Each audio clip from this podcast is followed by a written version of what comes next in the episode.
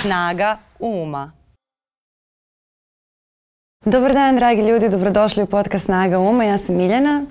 Ovde nastojimo da razgovaramo, između ostalog i zato što ja iskreno mislim da je dobar razgovor nekad, kao i odlazak u pozorište na dobru predstavu, vrlo lekovit i da ume da bude vrlo lekovit. I zbog toga se često osjećam privilegovano kada je neka, posebno onako tmurna ili teška nedelja kao što je meni iskreno bila ova kada imam tu privilegiju da razgovaram sa zanimljivim, plemenitim i kreativnim ljudima. To zaista e, ispuni ne samo dan, nego nas i napuni nekom novom inspiracijom. Tako da mi je jako drago što ću danas razgovarati sa glumcem Nebojšom Milićem Ciletom, koji, kog od nedavno mogu da najavim i kao scenaristu, e, zato što je napisao scenariju za jednu predivnu predstavu Kuća koja se igra u Zvezdara teatru i koja zaista od uzima dah, a koja se bavi pitanjem osjećaja pripadnosti, doma, porodice i jednom generalno intimom, vrlo nepretencijoznom. Nebojša, dobro mi je došao. Bolje te našao, hvala na pozivu. A, kakvi, kakvi su ti utisci sada? Jel ti, deluješ mi kao neko ko me možda malo neprijetno kada ga hvale kao našeg genijalnog glumca, pa sada i fenomenalnog scenaristu.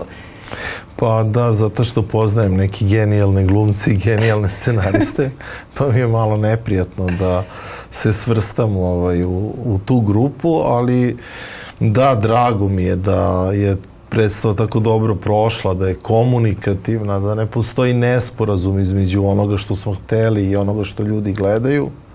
I nekako kada, uh, uh, kada se čuje taj aplauz na kraju i ti utisci kada se čuju nekako je neodoljivo uh, da su ljudi to razumeli, prigrlili, da su uh, otišli iz pozorišta stvarno sa nekim osjećanjem da nisu izgubili veče.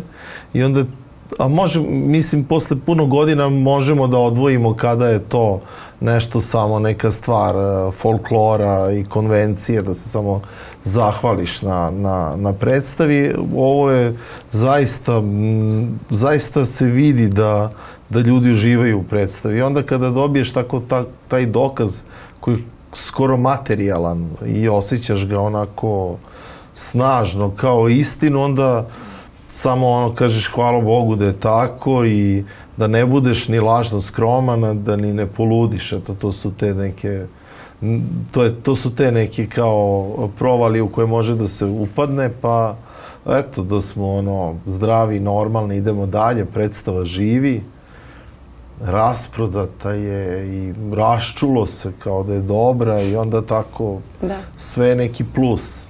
E, ja moram da odradim e, domaći zadatak da kažem da uh, ti igraš oca uh, Ivan Izečević koja je to prva pozorišna uloga i to vrlo velika, dakle ona je sve vreme na sceni i, i svojom nekom predivnom energijom zaista nosi tu, uh, tu priču. Vi ste otac i čerka koji su u Kanadi pa dolaze u Beograd pa on se onda vraćaju u rodno selo i tu je Branimir Brstina u ulozi tvog oca, njenog dede. Uh, i vi svi zajedno ste, ste porodica koja se traži i, i to je možda i neka najlepša energija te predstave, ta jedna plemenitost i nepretencioznost, e, prosto neka intima u koju ste nas pustili, ali mene zanima ta tema uh, osjećaja pripadnosti, kako ti, je, kako ti je došla i koliko ti je bliska. Znam da si dosta putovao i da si upoznavao ljude koji se suočavaju s tim.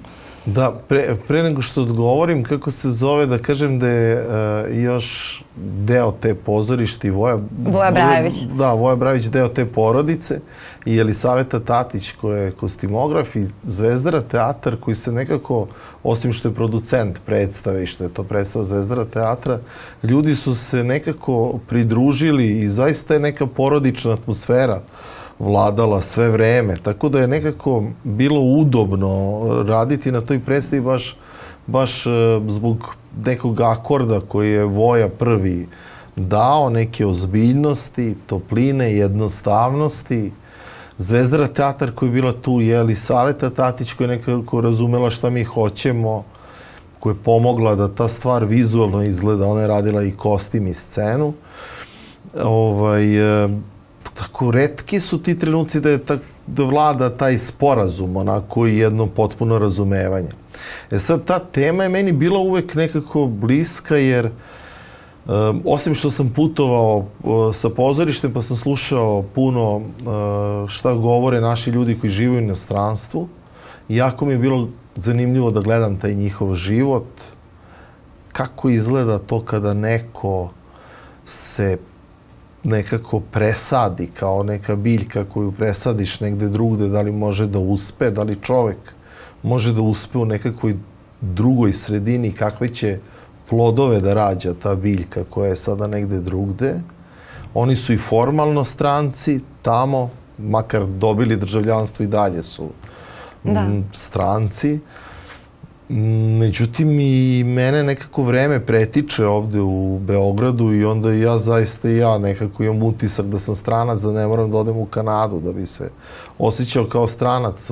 Običaji su se promenili, promenila, promenio se način komunikacije, vrednosti su nekako se promenile I moje osjećanje je da sam isto u nekom smislu stranac. A onda postoji to neko unutrašnje, najdublje osjećanje stranstvovanja da valjda ovo što vidimo nije sve, neka nada u, u, u neku večnost, u nešto da, da prosto da ovo, ovo što gledamo i dodirujemo nije, nije, nije sve. Tako da je meni to uvijek bilo zanimljivo i uvek mi je to bilo blisko i uvek mi je bilo uzbudljivo da o tome misli. Zamišljao sam kako bi izgledalo kada bi ja negde otišao, gde bi ja to mogao da odem, gde bi se ja osjećao kao kod kuće, ne znam. Onda je uh, moj nekadašnji kolega, današnji episkop uh, Ilarion Lupulović, da me podsjetio na taj izraz desi kućo, da ljudi jedni drugima kažu desi kućo, da je, da, da je onaj drugi kuća, mislim. Tako da je to mi isto bilo onako lepo. I onda je to tako polako nastajalo kada, kada si na Turščik, onda nekako nemaš nikakve deadline-ove ili kako se to kaže na srpskom sada. Ovaj, e, rokove. Rokove, da, da, da. Pa ne, da. I onda kao... Ali deadline zvuči ozbiljnije, da, ima da, to da, kao da. dead, da, možete, mnogo je dramatičnije deadline, kao ubiti, da, bukvalno da, da, da, rok je kao okej. Okay. Da, da, da. I onda kako ja nemam nikakve obaveze prema da. sebi kao pisu ni prema drugima. I onda to može dugo da zri, to osjećanje, može da se piše polako, godinama. Tako da sam imao sve uslove da to nastane, a onda kada je nastalo i kada je prepoznato kao kao dobar materijal za, za predstavu, onda su se stvorili svi uslovi da počnemo to da radimo. I onda kada se približio taj dan premijere, onda sam ja pomislio čovječe, ovo će stvarno da izađe. Mislim, nije zezanje, ja kao izlazim kao nekakav pisac. Dovoljno sam se blamirao kao glumac, ne moram i kao pisac da se baš izlažem e, kritici. Ovaj. Međutim, eto, tako je to nekako E, sve išlo jako prirodno. Ne, nije niko ništa činio da bi ta stvar se uradila. Ona je nekako jednostavno čitali su prijatelji, prijatelji su odneli u Zvezdara teatar i Zvezdara teatra su me pozvali. Odmah smo se složili oko podele, oko toga ko to treba da režira, kako to treba da se radi. I onda te stvari su najlepše koje idu lako, bez grča, bez bez neke nekog prejak... Laktanja tog, da. I nekog da. motiva koji je spoljašnji. Ovo su sve bili onako neki unutrašnji, intimni motivi. Nikome ništa ne dokazujemo, nikog ne želimo da pobedimo, ne daj Bože. Nego onako samo da kažemo ono što nas muči, ono o čemu mislimo i da to podelimo sa publikom. A to mi se nekada čini kao da je možda čak i, i mnogo, kao da je ne, neki put do uspeha koji ne vidimo zato što se toliko trudimo da ostvarimo neku brojku ili, ili nešto, kao samo živi. Da, da. A, A, a kad, recimo, kad, i kad razmišljam o tvojoj i glumačkoj karijeri, uh, ona nekako, je, me, meni nikada nisi delovao kao lik koji se lakta. Uh, i, I na pozornici, u pozorništu ti nisi onaj koji otima pažnju publike. Nego je dobije. Ti možeš da sediš i da ćutiš, ali nekako ta pažnja prirodno dođe kod tebe. Prosto nisi taj vidi me lik, a opet te svi vide. E, koliko je to stvar karaktera, koliko stvar vaspitanja? Pa, da. I jedno i drugo, i karakter, priroda, ta, ono, karakter kao sudbina, kao to je ono što te nekako određuje i to jeste deo moje prirode i deo i mog vaspitanja i deo neke etike koju sam malo pokupio u pozorištu u ateljeu 212 gde sam najviše radio i koji je moja matična kuća.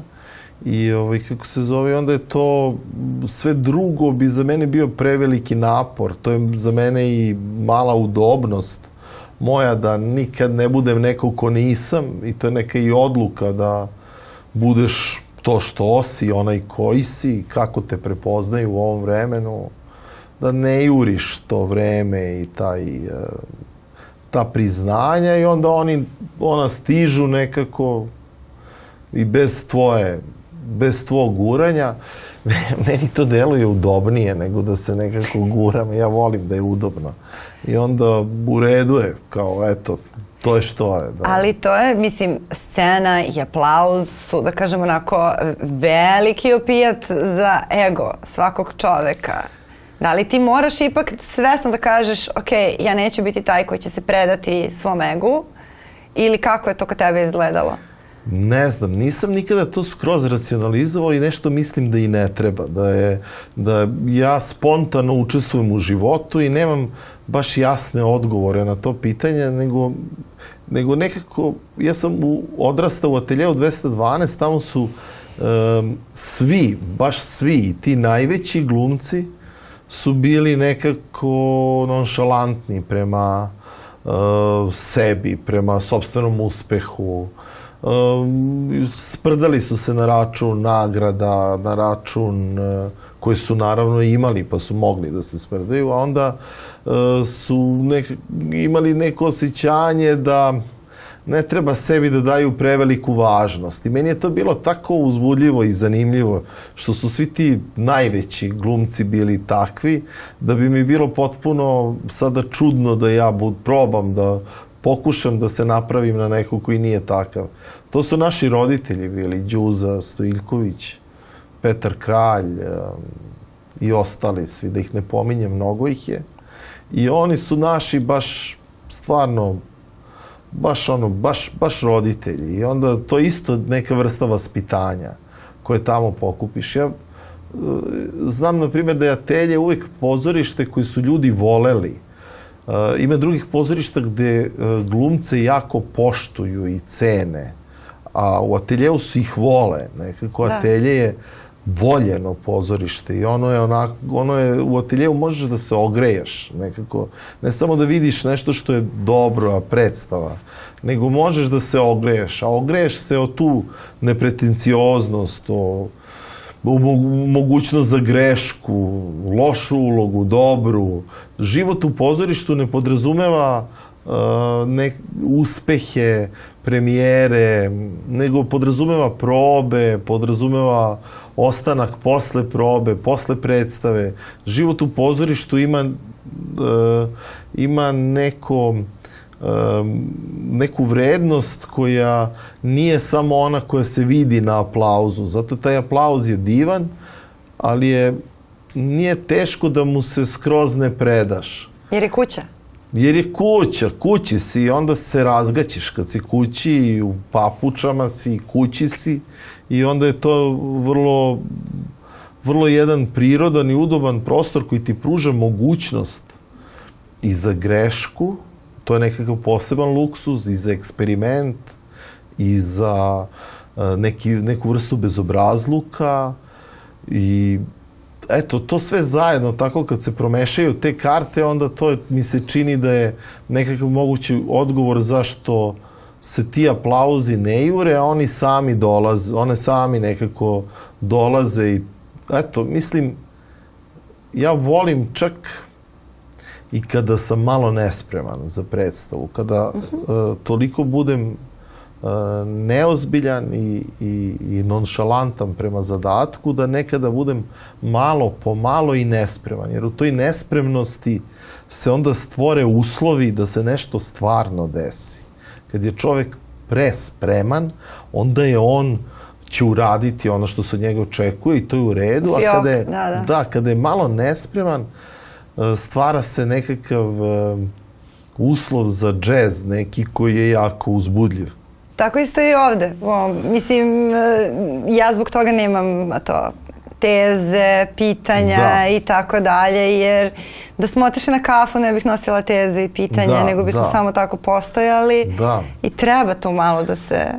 Da. Ali sad dok govoriš o pozorištu kao kući, možda je to i- za mnoge ljude koji rade bilo šta iz duše, što je kreativno, što, što vole, pa sad različite su kreativnosti. Koliko je važno da ako radiš iz duše, da to mesto gde radiš i ljudi sa kojima radiš, da imaš taj osjećaj kuće. Ja znam koliko sam patila u nekim redakcijama, čak i kad sam radila priče na koje otkidam, kad nemam taj osjećaj kuće, a danas mi kad snimamo dan je znači tmuran da tmurni ne može biti, kataklizma. Ja sam išla srećna na posao, ne samo i zbog tebe što ćeš da mi dođeš, ali i zbog ovih ljudi sa kojima ću da radim. I onda sam shvatila koja je to privilegija, jer taj imam osjećaj, či kad je tako ružan dan, jedino me ne mrzi da odem kod mame i- ili da posetim baku i deku, jer to je isto to, kuća. Da, To je da. neko mesto, ali ovako sad da se sredim ja da idem na modnu reviju ili negde, Da. kao nema ću, neću imati živaca Da. i onda to, jeste naravno imaš ti poslovnu obavezu, ali ti nije teška. Pa da, pa da, zat, m, kada su nas primali u atelje, Mm. uh, ja sam uh, došao otprilike malo kasnije, neku godinu kada i Nenad Jezdić, Milica Mihajlović, Mhm. Rastko Lupulović, Bojan Žirović, Gordan Kičić. Tu su mi otprilike u sličnim nekim godinama došli u pozorište.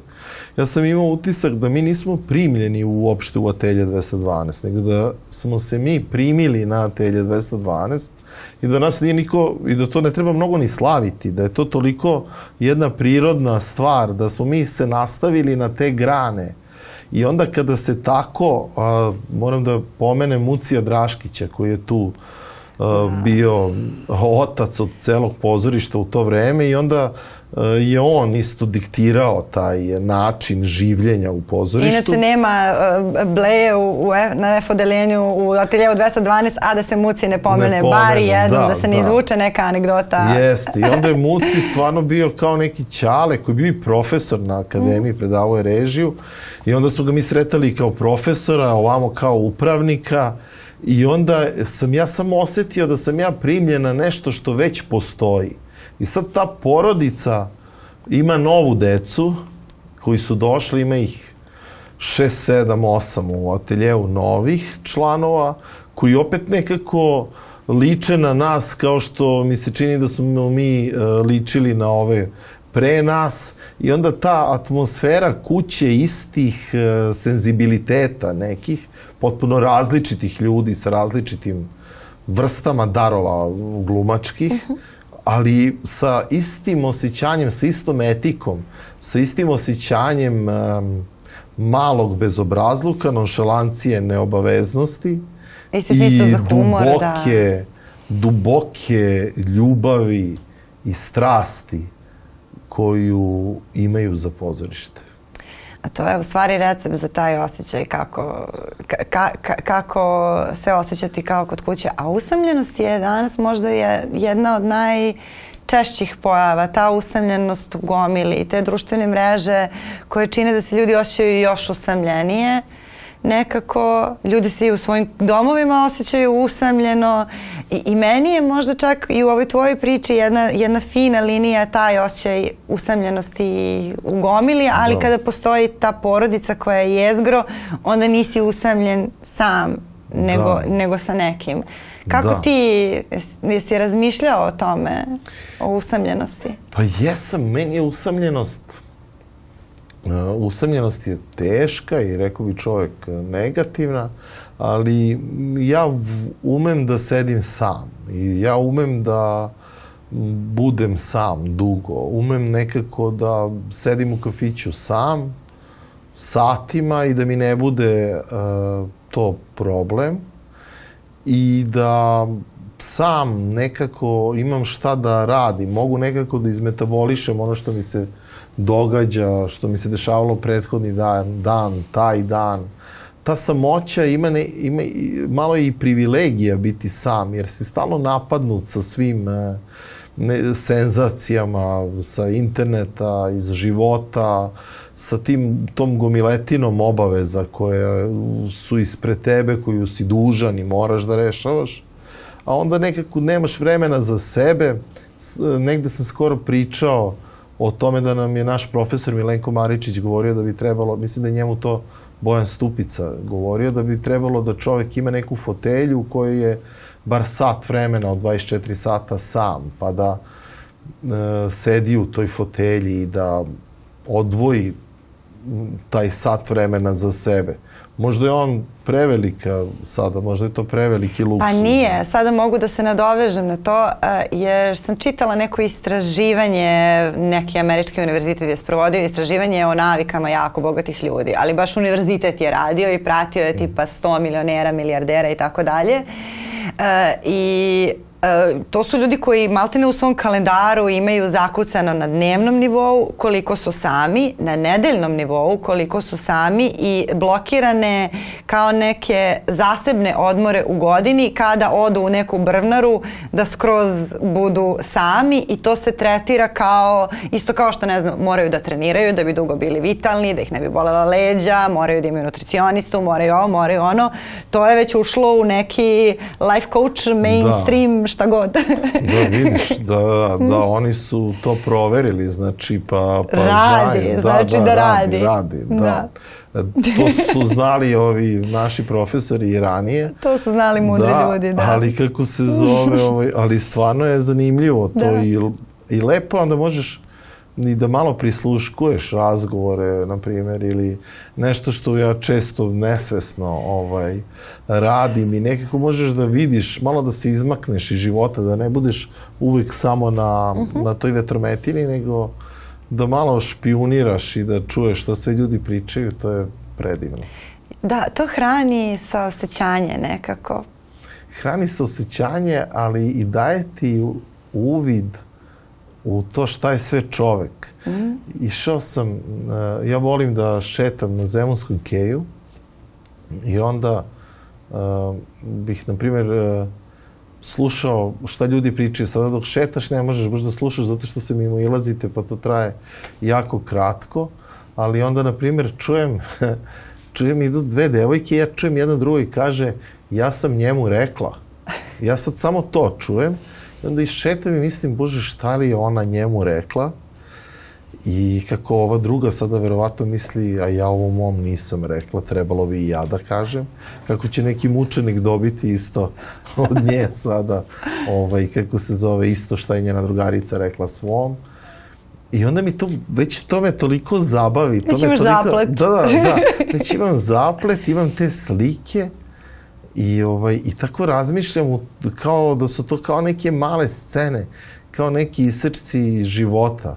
I onda ovaj, Jaj. je to lepa prilika da se onako izmakneš ono, i da, da, da gledaš sa strane. Svašta čuješ i vidiš. To je za nas glumce isto važno da gledamo i da slušamo druge ljude. Ja, meni se to desilo skoro, isto sam sedela u nekom kafiću, pošto isto volim da sedim sama u kafićima i čujem, stoji iza mene, ne vidim ljude, ali dosta glasno govore, pa kao ne moram ni da se trudim da ih, da ih čujem. Sad ona se zaposlila u nekoj državnoj firmi, nešto ona pravno tu radi i sad vidiš da je prvi dan na tom poslu i tu je sa svojom ekipom. Znači ona sve već ima, mi ćemo to da završimo, ovo ćemo da završimo. Za dva meseca idemo na Bali, mislim se, alo ženo, kao, znaš ti kolika tebi plata, da. ali ti tačno vidiš onako kao e, taj neki polet kod te mlade devojke e, koja sada odjednom hoće sve i ove njene prijatelji za koje već zamišlja šta njima sve prolazi kroz glavu pa dobro zašto ja ne mogu na Bali ako ona planira Bali i ti u stvari imaš predstavu pa da, ove, pa da. ali nekako se trudim da nikada ne budem uh, ona koja će da osuđuje nego samo da se osjećam kao hvala što ste podelili ovo sa mnom da, Mada možda da, smo da. čudaci možda stvarno ne treba to raditi možda ne treba prisluškivati ljude kao neki čudak. Pa, ne znam, ja ne mogu da odolim i ovaj, kako se zove, bude mi zabavno, stvarno, zato što spontano ljudi kažu neke replike koje, na primjer, su potpuno iste koje koristi Aca Popović. Na primjer, de, desilo mi se puno puta da čujem neku repliku Ace Popovića u kafiću ili na ulici i onda vidiš da je taj bunar iz koga je on vadio te komade ipak vezan za duboko za život, za dnevno, za ono što ljudi jedni drugima govore. Ili, na primjer, Beckett. Uh, koliko si puta čula, na primjer, da naprimjer, ljudi sede u kafići i kaže ajmo, ajmo i ostanu da sede. Tamo kod Beketa ima očekvići go do ajmo, ajmo i ostanu da stoje. I ja se sećam kada sam prvi put to pročitao da sam ono skoro viknuo od sreće kako neko kaže ajmo i ovaj se složi i kaže ajmo i ostanu da stoje. I to je meni toliko bilo uzbudljivo i smešno kad sam bio klinac, kad sam to čitao prvi put, a to stalno čujem i stalno hvatam sebe da iz kafane, iz nekog društva, od nekle kao, e, ajmo, ajmo, i onda je to bar još pola sata. To je bar još pola da, sata. Da, Ili otišla sam. To, i onda Otišla se, sam i nisam, to, da, da, kao da. eto me. A onda to u stvari vidiš da je neku, da to čak ima neku literarnu vrednost. Da te obične trivialne replike imaju neku vrednost koja je onako mm, ozbiljna, knji, koja je književnost u stvari. A, a kada, si, kada si pomenuo da se osjećaš kao stranac jer su se vrednosti promenile, na šta tu konkretno misliš?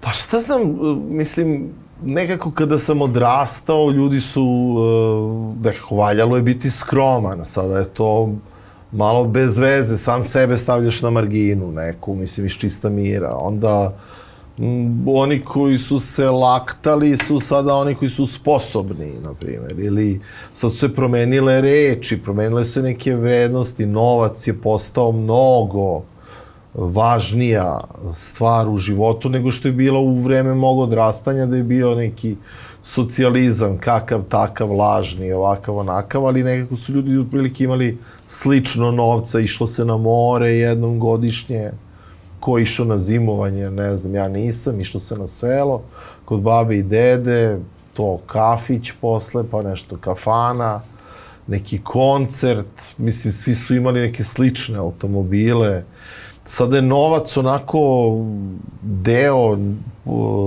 deo nekog deo i ličnosti onako postane ta stvar koliko imaš para ti određuje i status i onako položaj u društvu i sa prijateljem i u porodici. I onda na primer ti načini komunikacije kako si nekada mora da odeš u gradsku biblioteku, pa da predaš onu karticu, pa da dođe na žena, ti donese knjigu, pa ti da potpišeš, pa onda nosiš kući, pa kreneš da čitaš u troli, ali ne možeš da se trese, pa onda kući čitaš, pa onda u jednom trenutku moraš da vratiš, pa to ni zovu da te podsete. Sad to sve imaš odma, ali imaš i drugačiji odnos prema toj činjenici koju ili informaciji ta informacija koju sam ja iz knjige dobio za mene je nekako postala je deo mene, čini mi se. Vredna je, Vredna trudio je, da, si se. Da, neke od knjiga su za mene bile značajne. A sad, pošto je sve to stoji negde, tu mogu uvek da ga uzmem, ali onda, pošto mogu uvek da ga uzmem, nije mi mnogo ni važno. I, i uvek ga primam na nivou informacije, ne na nivou doživljaja.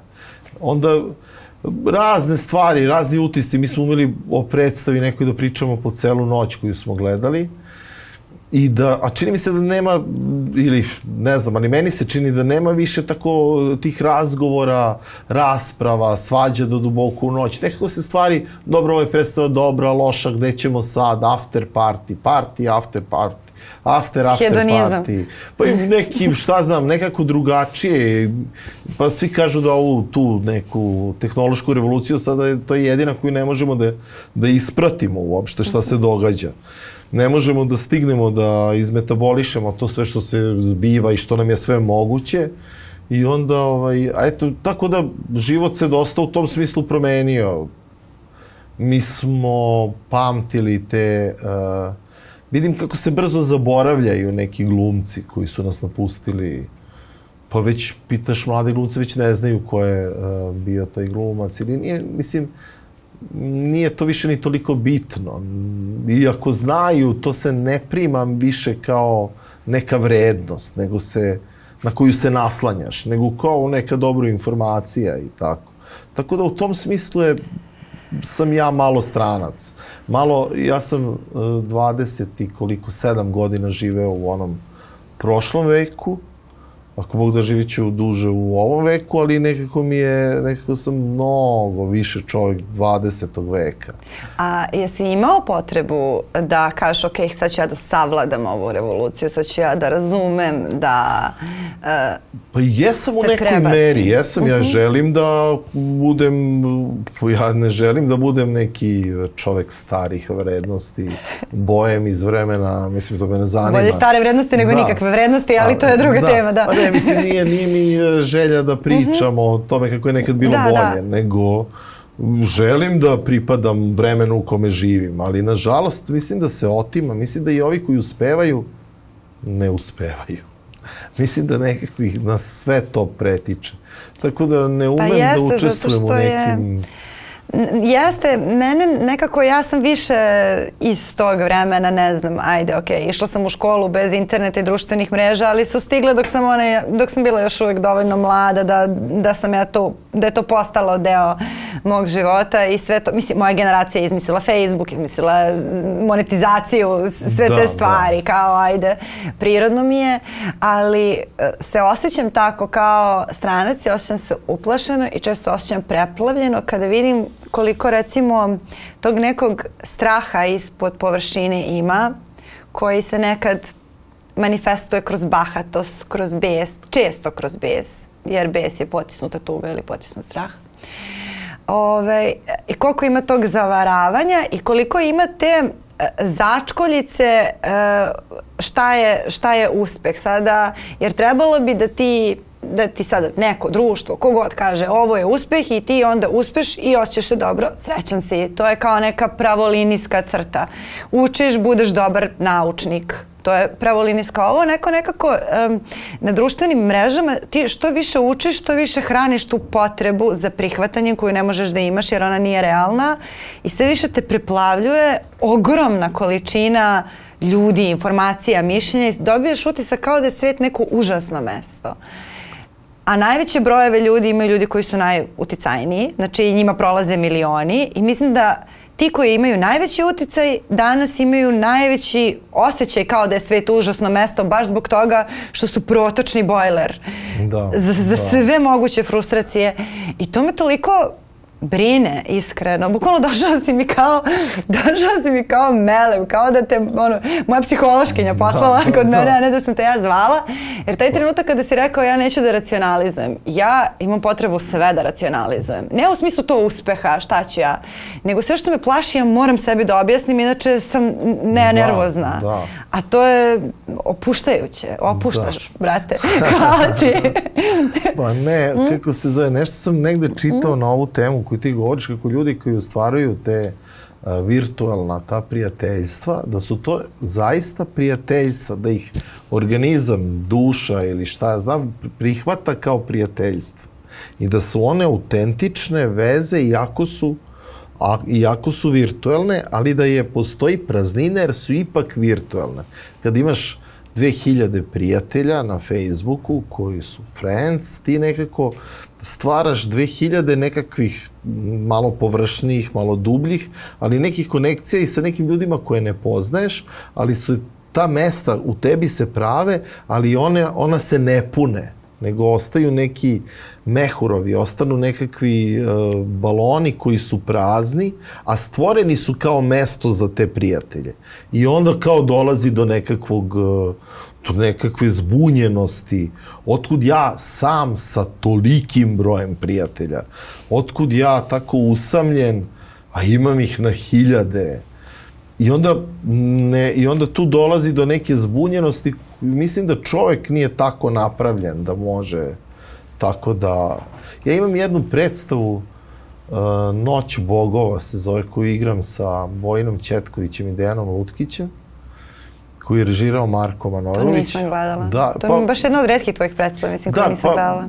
Malo igramo u Beogradu, redko igramo, putujemo sa tom uh mhm. -huh. predstavom i onda nam je ne, e, to putovanje, nekako smo dobra ekipa jako se smejemo na tim e, putovanjima, zabavno nam je strašno.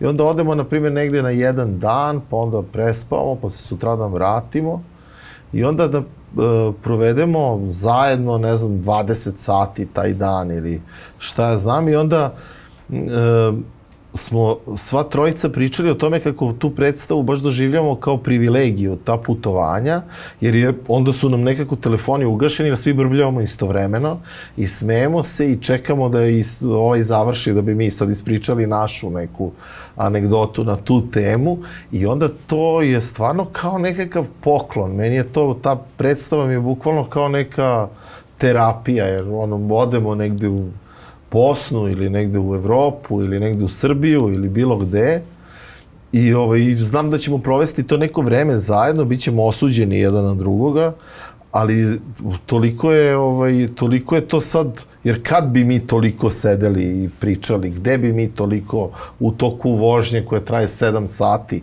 ono si zatvoren u kolima, tu moraš da nešto blebećeš, da brbljaš jer je dosadno. I onda, ovaj, i onda nam je to tolika... Uh, tolika neka privilegija, toliki poklon da stalno govorimo o tome čoveče. Toliko se obradujemo kad imamo to gostovanje da ono jedva čekamo, kao neka deca koje svaki put idu na ekskurziju zajedno. A to je, to je tako, tako divno. Mislim, verovatno je to i do, do, do tog umetničkog senzibiliteta tvog, ali čini mi se da stvarno vidiš dobro u ljudima i da te zabavlja dobro u ljudima. Da te to inspiriše. Da, pa zabavlja me dobro, zabavlja me i loše u smislu a, tih ljudskih slabosti koje ih svi imamo. Mm. Kada i, o, i te slabosti kada izađu, jedino treba voleti ljude. Mislim, nekako kada voliš ljude, onda i kad su slabi i kada vidiš tu slabost i alavost i to kad prepoznaš kod sebe, nekako ti je to sve drago. Ja zato volim Acu Popovića, što kad čitaš ili kad gledaš Acu Popovića, onda vidiš, oni su svi katastrofa karakteri, to su ono, moralno jako sumnjivi u najmanju ruku, ali ih sve voliš i sve bi ih zagrlio i svi su ti čarobni sa, sa svojim ono, glupostima, proračunatostima, glupavim planovima, I ovaj, tako da, eto, meni je to, vidim ja svašta, mislim, i kod sebe, I onda mi je drago jer je, su ljudi zanimljivi, mislim, ljudi su, ono, ljudi su svakojaki. A ja mislim da možda najveći, uh, ako i postoji blokada za takav odnos, je strah od, da je druga strana strah od ljudi. Jer ti mislim da kada se plašiš ljudi, da onda ne možeš da voliš njihove mane, da ne mogu da ti budu simpatične. E, I kako uspeš da se ne plašiš kada najđeš to na bahatost, kada najđeš na, ne znam, bes nekog ludaka u saobraćaju, vrte, ne znaš da ima bezbol palicu, šta, kako, kako, kako tu uspeš da ostaneš uzimljen i da ostaneš Ne ti? uspevam. ne uspevam. Ne. Ne, ne, ne, ne. Ni ti? Često sam ja taj ludak u saobraćaju. Uh mhm. -huh. ovaj, kako se zove koji ono vrišti iz kola ili se nervira i psuje i to je meni saobraćaj veliko iskušenje za mene u saobraćaju u Beogradu, mesto za parking i ne znam ko se prestrojava bez žmigavca, to je meni, ime, ja mislim da je ogroman uspeh da mi imamo neki kolektivni dogovor da većina stane kada je crveno svetlo i da onda kao postoji neki društveni dogovor da tad stanemo, a kad je zeleno da krenemo, jer to ljudi voze kako kome pada na pamet. Tako da, tako da je to i za mene veliko iskušenje i kada osetim i tako neku preveliku bahatost, ja, mislim, mene tu nema, ja sam, ja se sklanjam od toga, meni je to, ono, postoji taj jedan trenutak kada čovek, znamo da čovjek ume da bude i zver, da čovjek ume da bude jeziv i da bude nečovek i da bude i strašne se stvari događaju i strašne nam stvari poturaju pod nos da čitamo kao prvu vest. Truju nas nekim patologijama kao koje stavljaju kao prvu vest sa kojom treba ujutru kad otvorimo oči da se susretnemo sa nekakvim zločinom koji je, iza koga je bolest ozbiljna i teška izračena sa tim stvarima koje su jezive.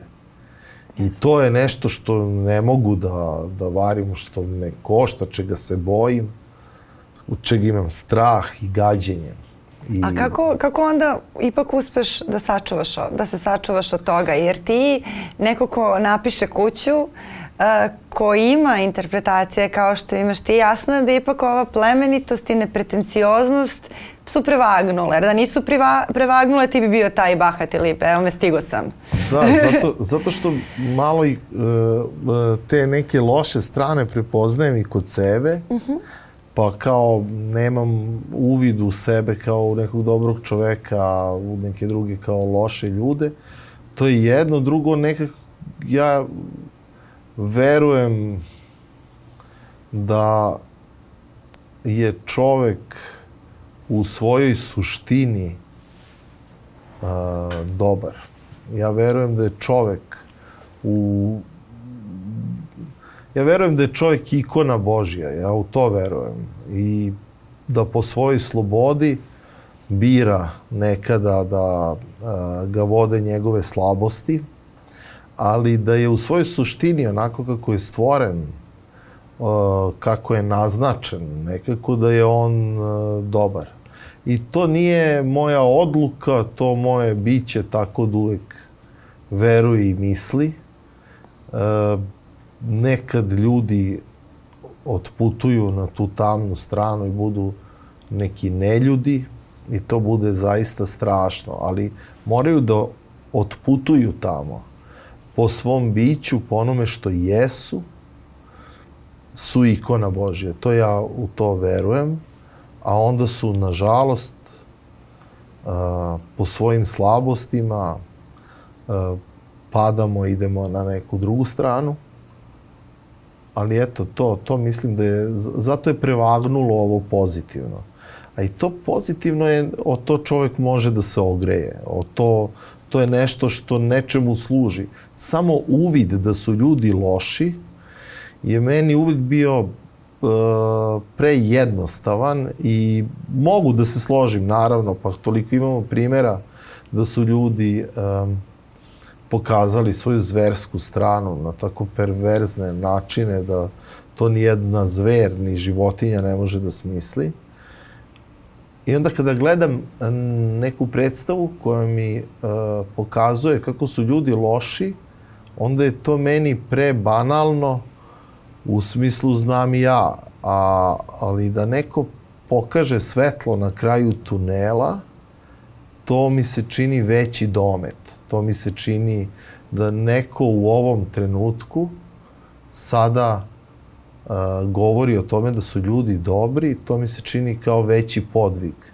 Mi imamo uh, stalno primere ljudskog podviga, da neko donira kožu, uh, neki organ nekom bližnjem, da neko, i nekom koga ne poznaje, da se neko žrtvuje za nekoga, da se neko žrtvuje za nešto.